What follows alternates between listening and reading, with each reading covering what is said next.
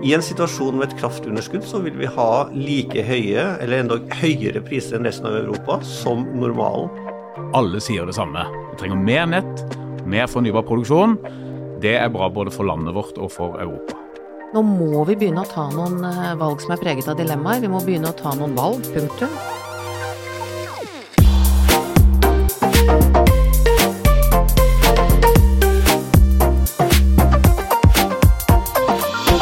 Skal vi lykkes i morgen, må vi ta gode beslutninger i dag.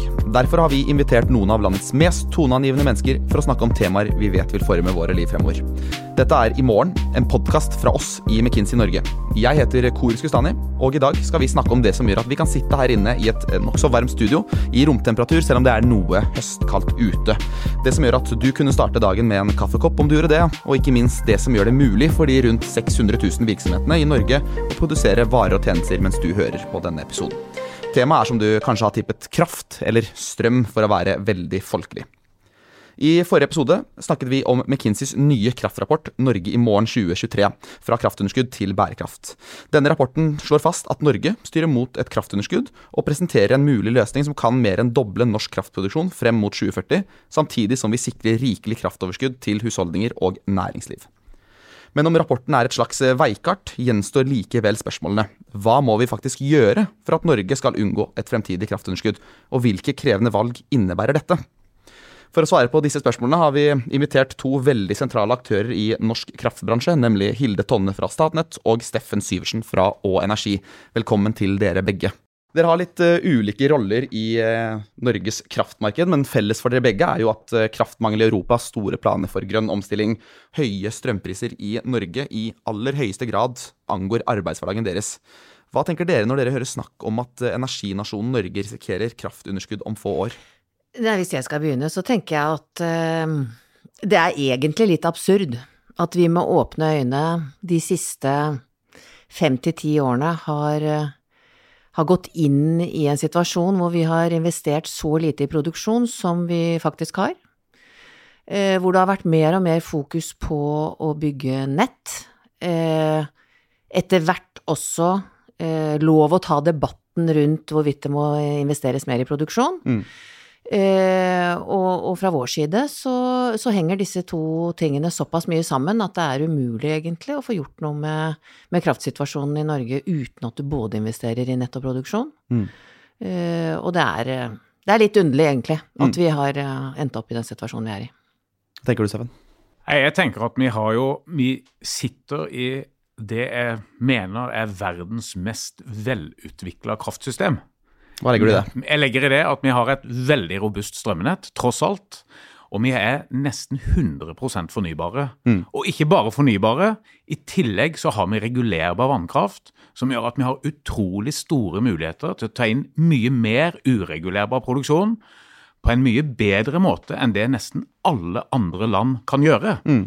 Og når vi da i tillegg kommer fra to år bak oss nå, hvor vi har skumma fløten av energikrisen i Europa, i fjor tjente vi noe helt utrolig mye penger på at resten av Europa har veldig høye energipriser på gass og olje.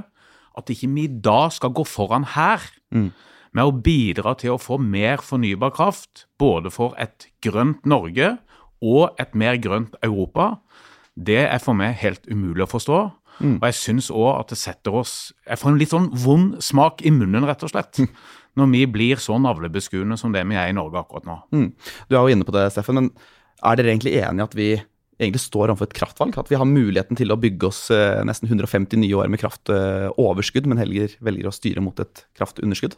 Ja, det mener jeg virkelig vi har. Vi har, uh, vi har satt oss i en situasjon som gjør at vi, som Hilde sier her, da, at vi nesten ikke bygger fornybar kraft. Til mm. nå i år, det var sikkert eh, per første halvår, så hadde vi bygd ut 225 megawatt i 2023.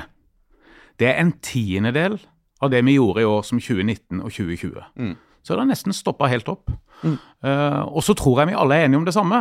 Og nå har jo regjeringen hatt Det er vel den tredje kommisjonen som har lagt fram rapporten sin nå. Strømprisutvalget, de hadde Energikommisjonen og Nettutvalget.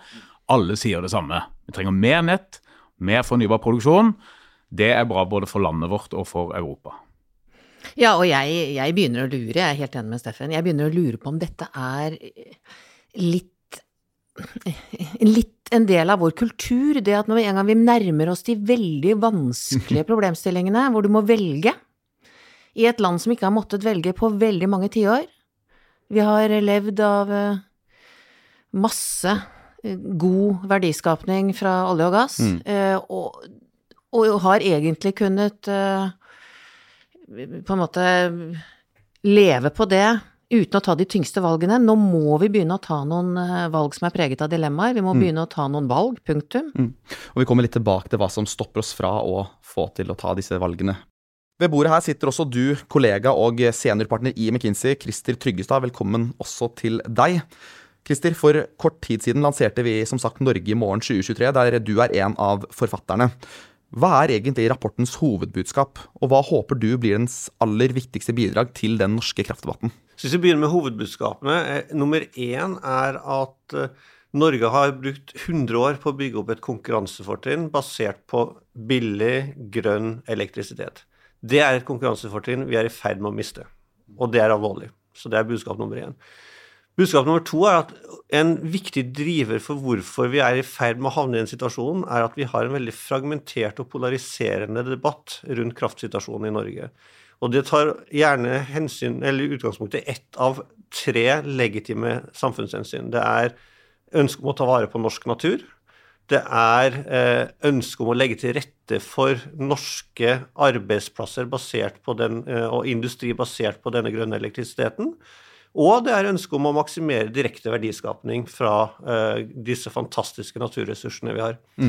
Det at så mange av innspillene i denne debatten tar utgangspunkt i ett av disse og vil maksimere ett av disse på bekostning av de andre, gjør at vi har nådd en annen slags vranglås hvor vi ikke kommer oss videre. Så er det positive da, eh, delen av budskapet er at vi tror det finnes en god, balansert løsning, hvor man kan få i hvert fall 80% av hvert av disse hensynene oppfylt. Hvis man da klarer å engasjere i en mer helhetlig og balansert debatt. Så det er også, for å svare på andre del av ditt spørsmål, det vi ønsker å oppnå med denne eh, rapporten, er jo å legge til rette for, legge, gi et grunnlag for å få denne balanserte debatten. Og til dere som hører på nå, vil jeg bare skyte inn og si at om dere vil høre Christer og eh, kollega Florian Kuhn snakke mer om denne rapporten, så kan dere lytte inn til vår forrige episode av denne podkasten, som i sin helhet er viet til denne rapporten, eller bare gå inn på norgeimorgen.no og laste den eh, ned der. Hva tenker dere om det vi i McKinsey skriver om i rapporten her? Nei, akkurat til det som dere skriver om i rapporten, og, til, til, og måten Christer legger det frem på nå, jeg er veldig enig at vi har en fragmentert og delt og polarisert debatt i Norge. Og det tror jeg har noe å gjøre med at vi har både tid og råd til det.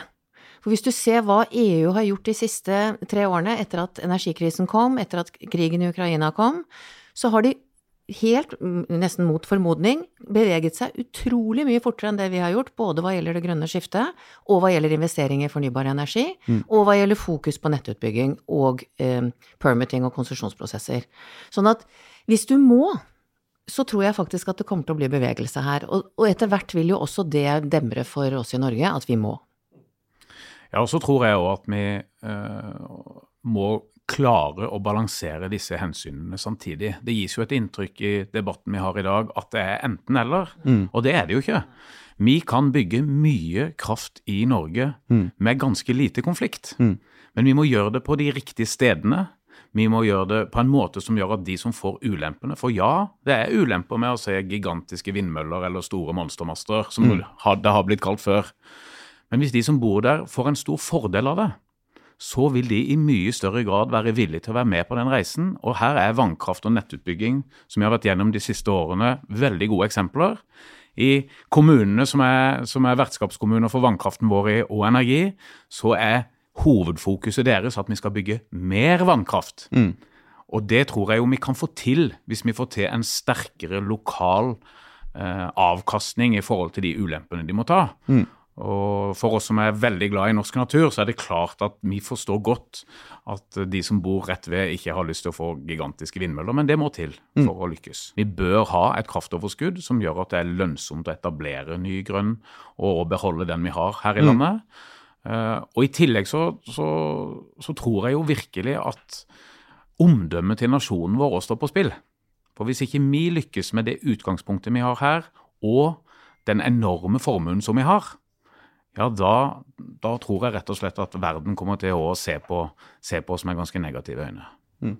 Jeg tror ikke vi har tatt inn over oss hvor ille det er eh, å komme i en situasjon hvor vi har et kraftunderskudd. Eh, og det er nok det som også driver litt den manglende sense of urgency som du snakker om, Hilde. Eh, og, og, for meg så er det sånn at de siste én til to årene så har vi jo sett litt effektene av høye kraftpriser i Norge periodevis, og vi har sett at det er, er, er ganske negativt.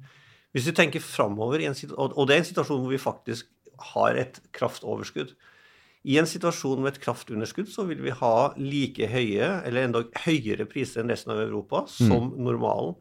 Det betyr at eh, eksisterende industri, hjørnestensbedrifter, vil slite. Eh, det betyr at vi kan se langt etter de eh, interessante, spennende mulighetene for å bygge ny norsk industri basert på grønn elektrisitet. Mm. Det betyr at husholdninger vedvarende har høye kraftpriser. vi vet det er krevende.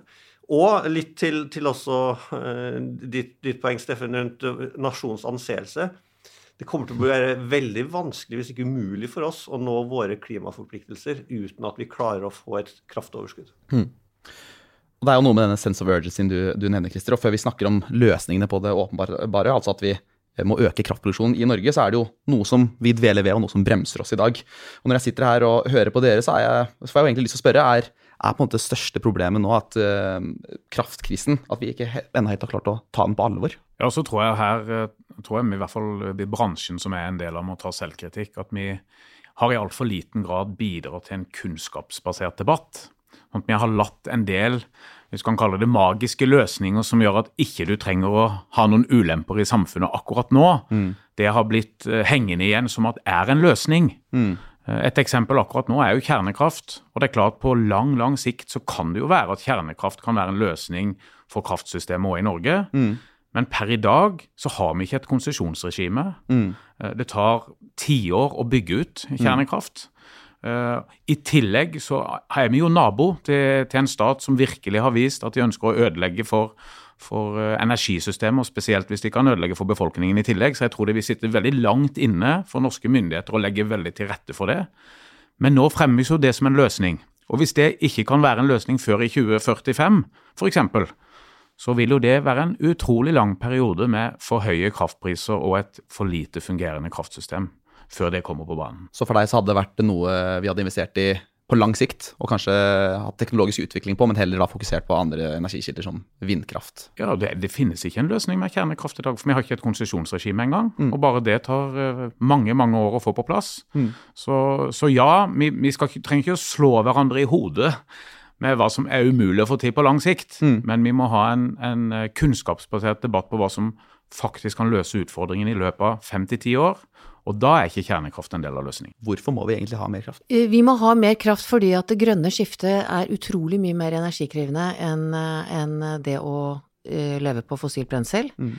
Så verden kommer til å trenge mer strøm for i det hele tatt å ta det grønne skiftet i forbruket til folk. Skal vi elektrifisere det forbruket som er der allerede, så er vi sånn ca. 50% på vei i Norge. Og det er ganske høyt i verden, det er vel det høyeste mm. som finnes i verden. Vi Det er 20% på vei i Europa den elektrifiseringen i seg selv, som, av alt det som eksisterer allerede, eh, kommer til å kreve mye kraft. I mm. tillegg så er det jo en ganske stor enighet om, i hvert fall så lenge vi snakker overordnet, mm. om at eh, Norge etter oljen skal leve av eh, grønn industrialiserte in bedrifter. Mm. Og både eksisterende industri og ny industri vil jo kreve mye strøm eh, i, i, som en del av sin eh, nye verdiskapning som skal erstatte olje og gass. Mm.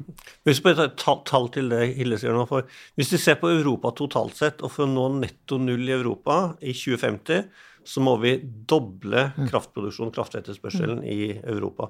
I en situasjon hvor energiforbruket totalt sett er relativt flatt, så det er en veldig elektrifisering hvor man da dobler og går over til nesten 100 elektrisitet mm. som energikilde. Mm. Så det i seg, selv om vi ikke øker aktiviteten basert på grønn kraft, bare, bare ved å erstatte det vi i dag gjør på fossilt brensel, kommer til å kreve en voldsom økning i strømforbruket. En av de enkleste og mest lønnsomme måtene i hvert fall i dag å, å, gjøre dette på, men samtidig en av de mest kontroversielle måtene å produsere mer fornybar energi på, det er å bygge ut mer vindkraft på land. Og Christer, i vår rapport er vi også en av de som peker på landbasert vindkraft som en viktig del av løsningen. Men hvorfor ligger denne løsningen egentlig i et sånt vepsebol? Ja, for første, Hvorfor er det en viktig løsning, og hvorfor det er noe om, omdiskutert? Det er en viktig løsning fordi vi i Norge har store landområder med veldig veldig gode vindforhold. Eh, så det vi har gjort i dette balanserte scenarioet, er å ta utgangspunkt i NVE sin analyse, hvor de peker på 13 områder i, i Norge som er spesielt godt egnet for, for landvind.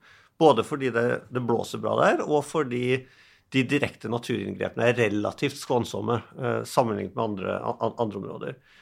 Så har vi sagt at uh, vi kan bruke 10% av disse områdene. Det gir et total produksjon fra landbasert vind, en økning på 30 TWh med ca. 10 gigawatt utbygd kapasitet. Uh, det betyr at Norge kan komme i 2040 til å ha en produksjon på ca. 55 TWh fra landbasert vind, hvor vi også tar med noe oppgradering av eksisterende anlegg. Det er omtrent det Sverige har i dag. Og det er ca. 40% av det Sverige forventer å ha i 2040. Så det er, ja, det er mye i sammenligning med hva vi har i dag, men det er ikke en urimelig ambisjon. Mm. Steffen, du har også vært innom det, men hva må egentlig endres for å få til mer landbasert vindkraft i Norge, dersom det er en så viktig brikke i løsningen? Jeg tror det aller viktigste det er at de lokalsamfunnene som får ulempene som dette medfører, som er helt tydelig er der, de opplever å bli ordentlig kompensert for det. Eh, og så tror jeg det andre det er at vi gjør det i områder hvor vi kan gjøre det med minst mulig konflikt. Eh, og her har vi noe å lære alle sammen. Eh, vi har utvikla prosjekter, spesielt på landbasert vind, uten at vi godt nok har vært både nær lokalbefolkningen som er der, nå ser vi det på Fosen, mm. men kanskje aller mest at vi har hatt et system hvor veldig lite av avkastningen har tilfalt de menneskene som bor der. Dette har vi lykkes veldig godt med på vannkraft. Mm.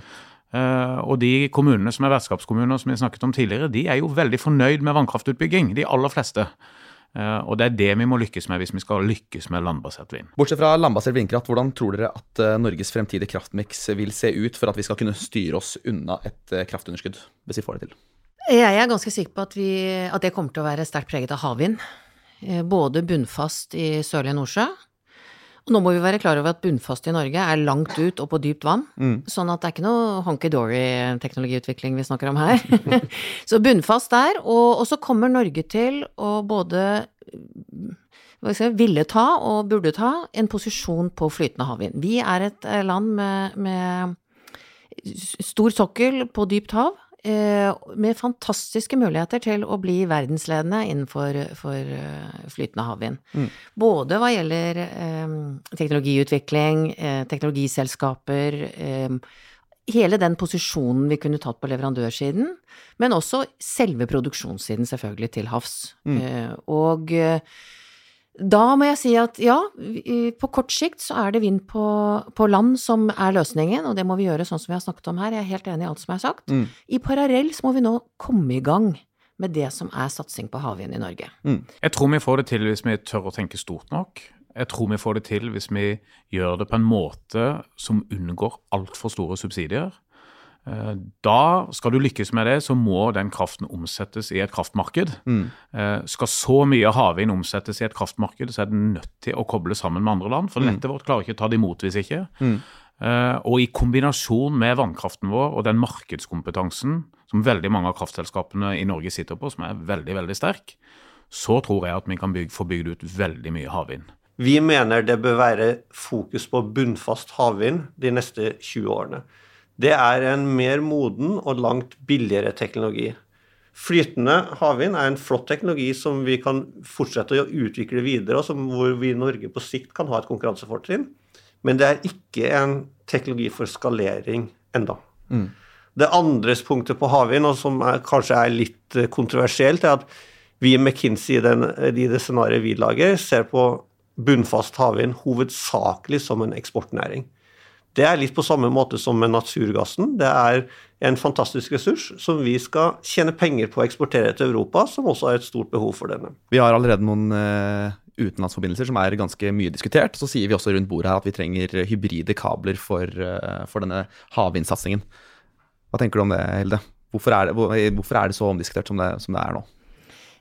Nei, altså, hvis man ser på det sånn ekstremt enkelt, og ut ifra handel kun, så kan jeg jo forstå diskusjonen. Men den er jo, for å være helt ærlig, litt misforstått. Hvorfor det? Fordi at uh, utveksling er helt grunnleggende for å få fleksibilitet i balansering av kraftsystemet, som vi snakket om innledningsvis, for å kunne håndtere et um, uregulert kraftsystem som vi kommer til å få mer og mer og mer og mer av. Alt er mer og mer vannbasert, nei, værbasert og vannbasert, og vindbasert og solbasert. Vi merker det allerede i dag. Og har man ikke utveksling innad i et land på tvers av uh, områder, eller utveksling mellom uh, kunder og de, uh, de som har nettet, mm. eller utveksling mellom land, så har du rett og slett ikke nok fleksibilitet i systemet ditt til å håndtere disse værbaserte kraftsystemene. Er vi avhengig av det? Vi er helt avhengig av det. Så det er det ene. Du, du, går ikke til net zero eller eh, nullutslippssamfunnet uten å ha den utvekslingen. Så det er det ene.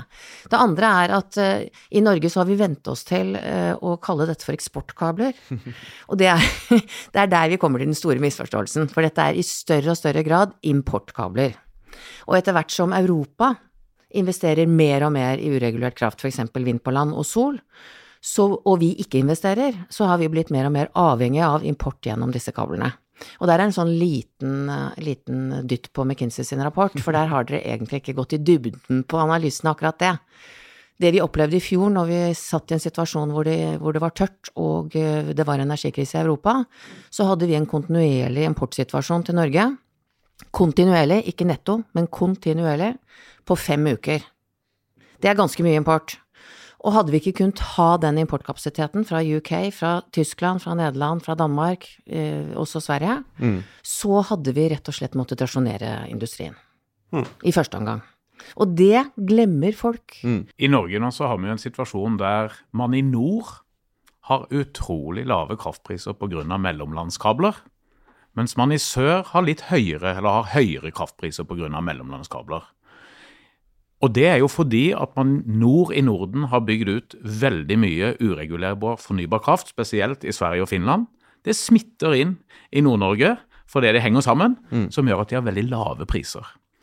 I Sør-Norge så er det ikke bygd ut like mye fornybar, uregulerbar kraft som kan kobles inn til sør. Når det nå skal bygges enorme mengder med havvind utenfor England og utenfor mm. Tyskland, så vil vi jo oppleve det motsatte av det vi vil gjøre nå. Mm. Og det er at vi får lavere priser pga. mellomlandskablene. Og vi blir så prega av de øyeblikksbildene som vi har i kraftmarkedet vårt, eh, at vi klarer ikke ta de langsiktige analysene, og det tror jeg blir kjempeviktig. Mm. For uh, hvis problemet i framtida blir at uh, fordi at vi ikke har mellomlandskabler, så har vi mye høyere kraftpriser i Norge mm. enn det de har i Tyskland og UK, så tror jeg problemet blir det motsatte. Mm. Så det blir veldig viktig. Ja, og så, jeg er så enig. Og, og, så hvis man tenker seg litt om, så går jo strømmen den veien hvor prisene er høyest. Mm. Og hvis det er sånn at vi blir et importland, så er prisene høyest hos oss. Mm. Fordi vi har negativ kraftbalanse. Så enkelt fungerer kraftmarkedet. ja, ja det, det, og, det, er helt, eh, helt riktig, selvsagt. Jeg, jeg, tror i et balansert scenario Håpet mitt er jo at vi kommer til å være et eh, nettoeksportland, fordi det finnes så mye verdiskapningspotensial fra de ressursene vi har. Mm. Eh, og så er jeg helt enig i at etter hvert som eh, resten av Europa bygger ut mye sol og vind, og de mangler den fleksibiliteten vi har i, i vannkraften, så vil du få mange perioder med svært lave priser der. Mm. Og da vil vi naturlig importere. Eh, og så får vi lagre det i vannkraften vår og eksportere når prisen er høyere. Mm. Så det er, for, for Norge er jo dette disse mellomlandsforbindelsene er jo egentlig en win-win. Så, så, mm. så det, det, er litt rart at vi er så skeptiske til dem, fordi vi kan tjene masse penger på det. Og, og, husk på det. Nok et, et, godt poeng etter min mening, da, det du sier, Christer. Og eh, vi er et land som faktisk har drevet et fornybarkraftsystem i 40 år. Vi er det eneste landet i hele verden som har gjort det. Så vi har øvd, vi på hvordan dette kommer til å funke inn i fremtiden også. Mm. Og det er ikke alt vi har gjort perfekt, men vi ligger foran og har absolutt muligheten til å være med på den reisen. Mm. Ja, og jeg tror jo at kanskje det sterkeste konkurransefortrinnet vi faktisk har, i tillegg til det gode kraftsystemet, det er tilliten mellom aktørene i systemet. Og nå har vi et par år bak oss der vi har vært litt mer opptatt av å skylde på noen enn å finne sammen. Det syns jeg ser tendensen til at det er i ferd med å bli mye bedre. Vi ser akkurat fått et statsbudsjett der en ja, en så at en var litt for rask med å innføre noen skatter som gjorde at ikke systemet fungerte så godt som det burde. Mm. En har gitt økte ressurser til å få raskere konsesjonsprosesser. En ønsker å få til løsninger i systemet med mer tillit mellom de som regulerer det, de som skal bygge det, og de som skal styre det. Mm. Så, og det fortrinnet, det, det, det er ikke så mange nasjoner som har det heller. Eh, det tror jeg blir noe av det viktigste framover. Det er at politikere, byråkrater og oss som er aktører i markedet, vi må samarbeide for å lage én plan for det nye norske kraftsystemet med økt produksjon, kraftoverskudd, som er til det beste for innbyggere og næringsliv. Mm. Vi er optimistiske. Vi vet at det er store muligheter. Christer, jeg kjenner deg som en mann som elsker naturen og, og bruker den. Men hvor mye natur skal vi akseptere å bruke for å få til det vi snakker om rundt bordet her? Hmm. Det umiddelbare svaret er kanskje minst mulig. Eh, vi, vi, har jo modellert det også, selvfølgelig, og sett på det. Og tallene er, hvis du ser veldig på veldig høyt nivå, ikke så veldig avskrekkende. I vårt balanserte scenario så snakker vi om å bruke ca. 0,3% av det norske arealet til å bygge ut landbasert vind. Det er sammenlignet med f.eks. Tyskland, som sier 2% i 2030, og, og enda mer i, i, 2040. Så det er ikke noe tvil om at eh, Norge og Europa må ta i bruk eh, natur, eh, ofte delvis uberørt natur, for å klare dette energiskiftet vi skal gjennom. Og så skal vi gjøre det på en klok måte. Vi skal velge de deler av natur hvor de direkte implikasjonene og konsekvensene er minst mulig, samtidig som vi får god produksjon der. Og som alltid vil jeg helt avslutningsvis i episoden utfordre dere som gjester med ett sentralt spørsmål, og i dag er det hva er den ene beslutningen vi må fatte i dag for å løse kraftkrisen i morgen? Christer, du svarte at eh, Norge trenger en helhetlig energiplan da jeg spurte deg i forrige episode, så du skal slippe å gjenta det nå, men det gjør ikke våre gjester. Steffen, Hilde, hva er den ene beslutningen vi må fatte i dag for å løse kraftkrisen i morgen? Der tror jeg må være helt enig med Christer. at de vi, vi får, Jeg tror ikke vi får med oss alle partier, men at de, spesielt de større styringspartiene i Norge finner sammen, lager en plan for hvordan dette skal gjøres, i tett samarbeid med næringen, eh, med de andre aktørene, sånn at vi kan komme i gang så fort som mulig. Og da må vi være ærlige om de dilemmaene vi står overfor. Eh, vi som er aktører, vi må tørre å delta i debatten. Mm. Der skygger vi litt lett unna en del av oss. Det tror jeg blir veldig viktig. Og da kommer vi til å løse dette. Vi må lage en handlingsplan som er konkret. Ikke en kommisjon. Ikke mm. peke på utfordringer, men en handlingsplan som er konkret, især med fokus på hvor er det vi kan investere i produksjon nå, som er på lufta i løpet av tre-fire år. Mm. Eh, hvor, eh, og inni den handlingsplanen så tror jeg det også må ligge noen gode løsninger på hvordan vi kan få konsesjonsprosessene til å skli bedre. Og da vil jeg si, hvis det er én beslutning vi trenger å ta, så er det å ta i bruk den handlingsplanen. Hille Tonne, Steffen Syversen og Christer Tryggestad, tusen takk for at dere kom hit i dag. Jeg heter Kori Skustani. Takk for at du hørte på I morgen.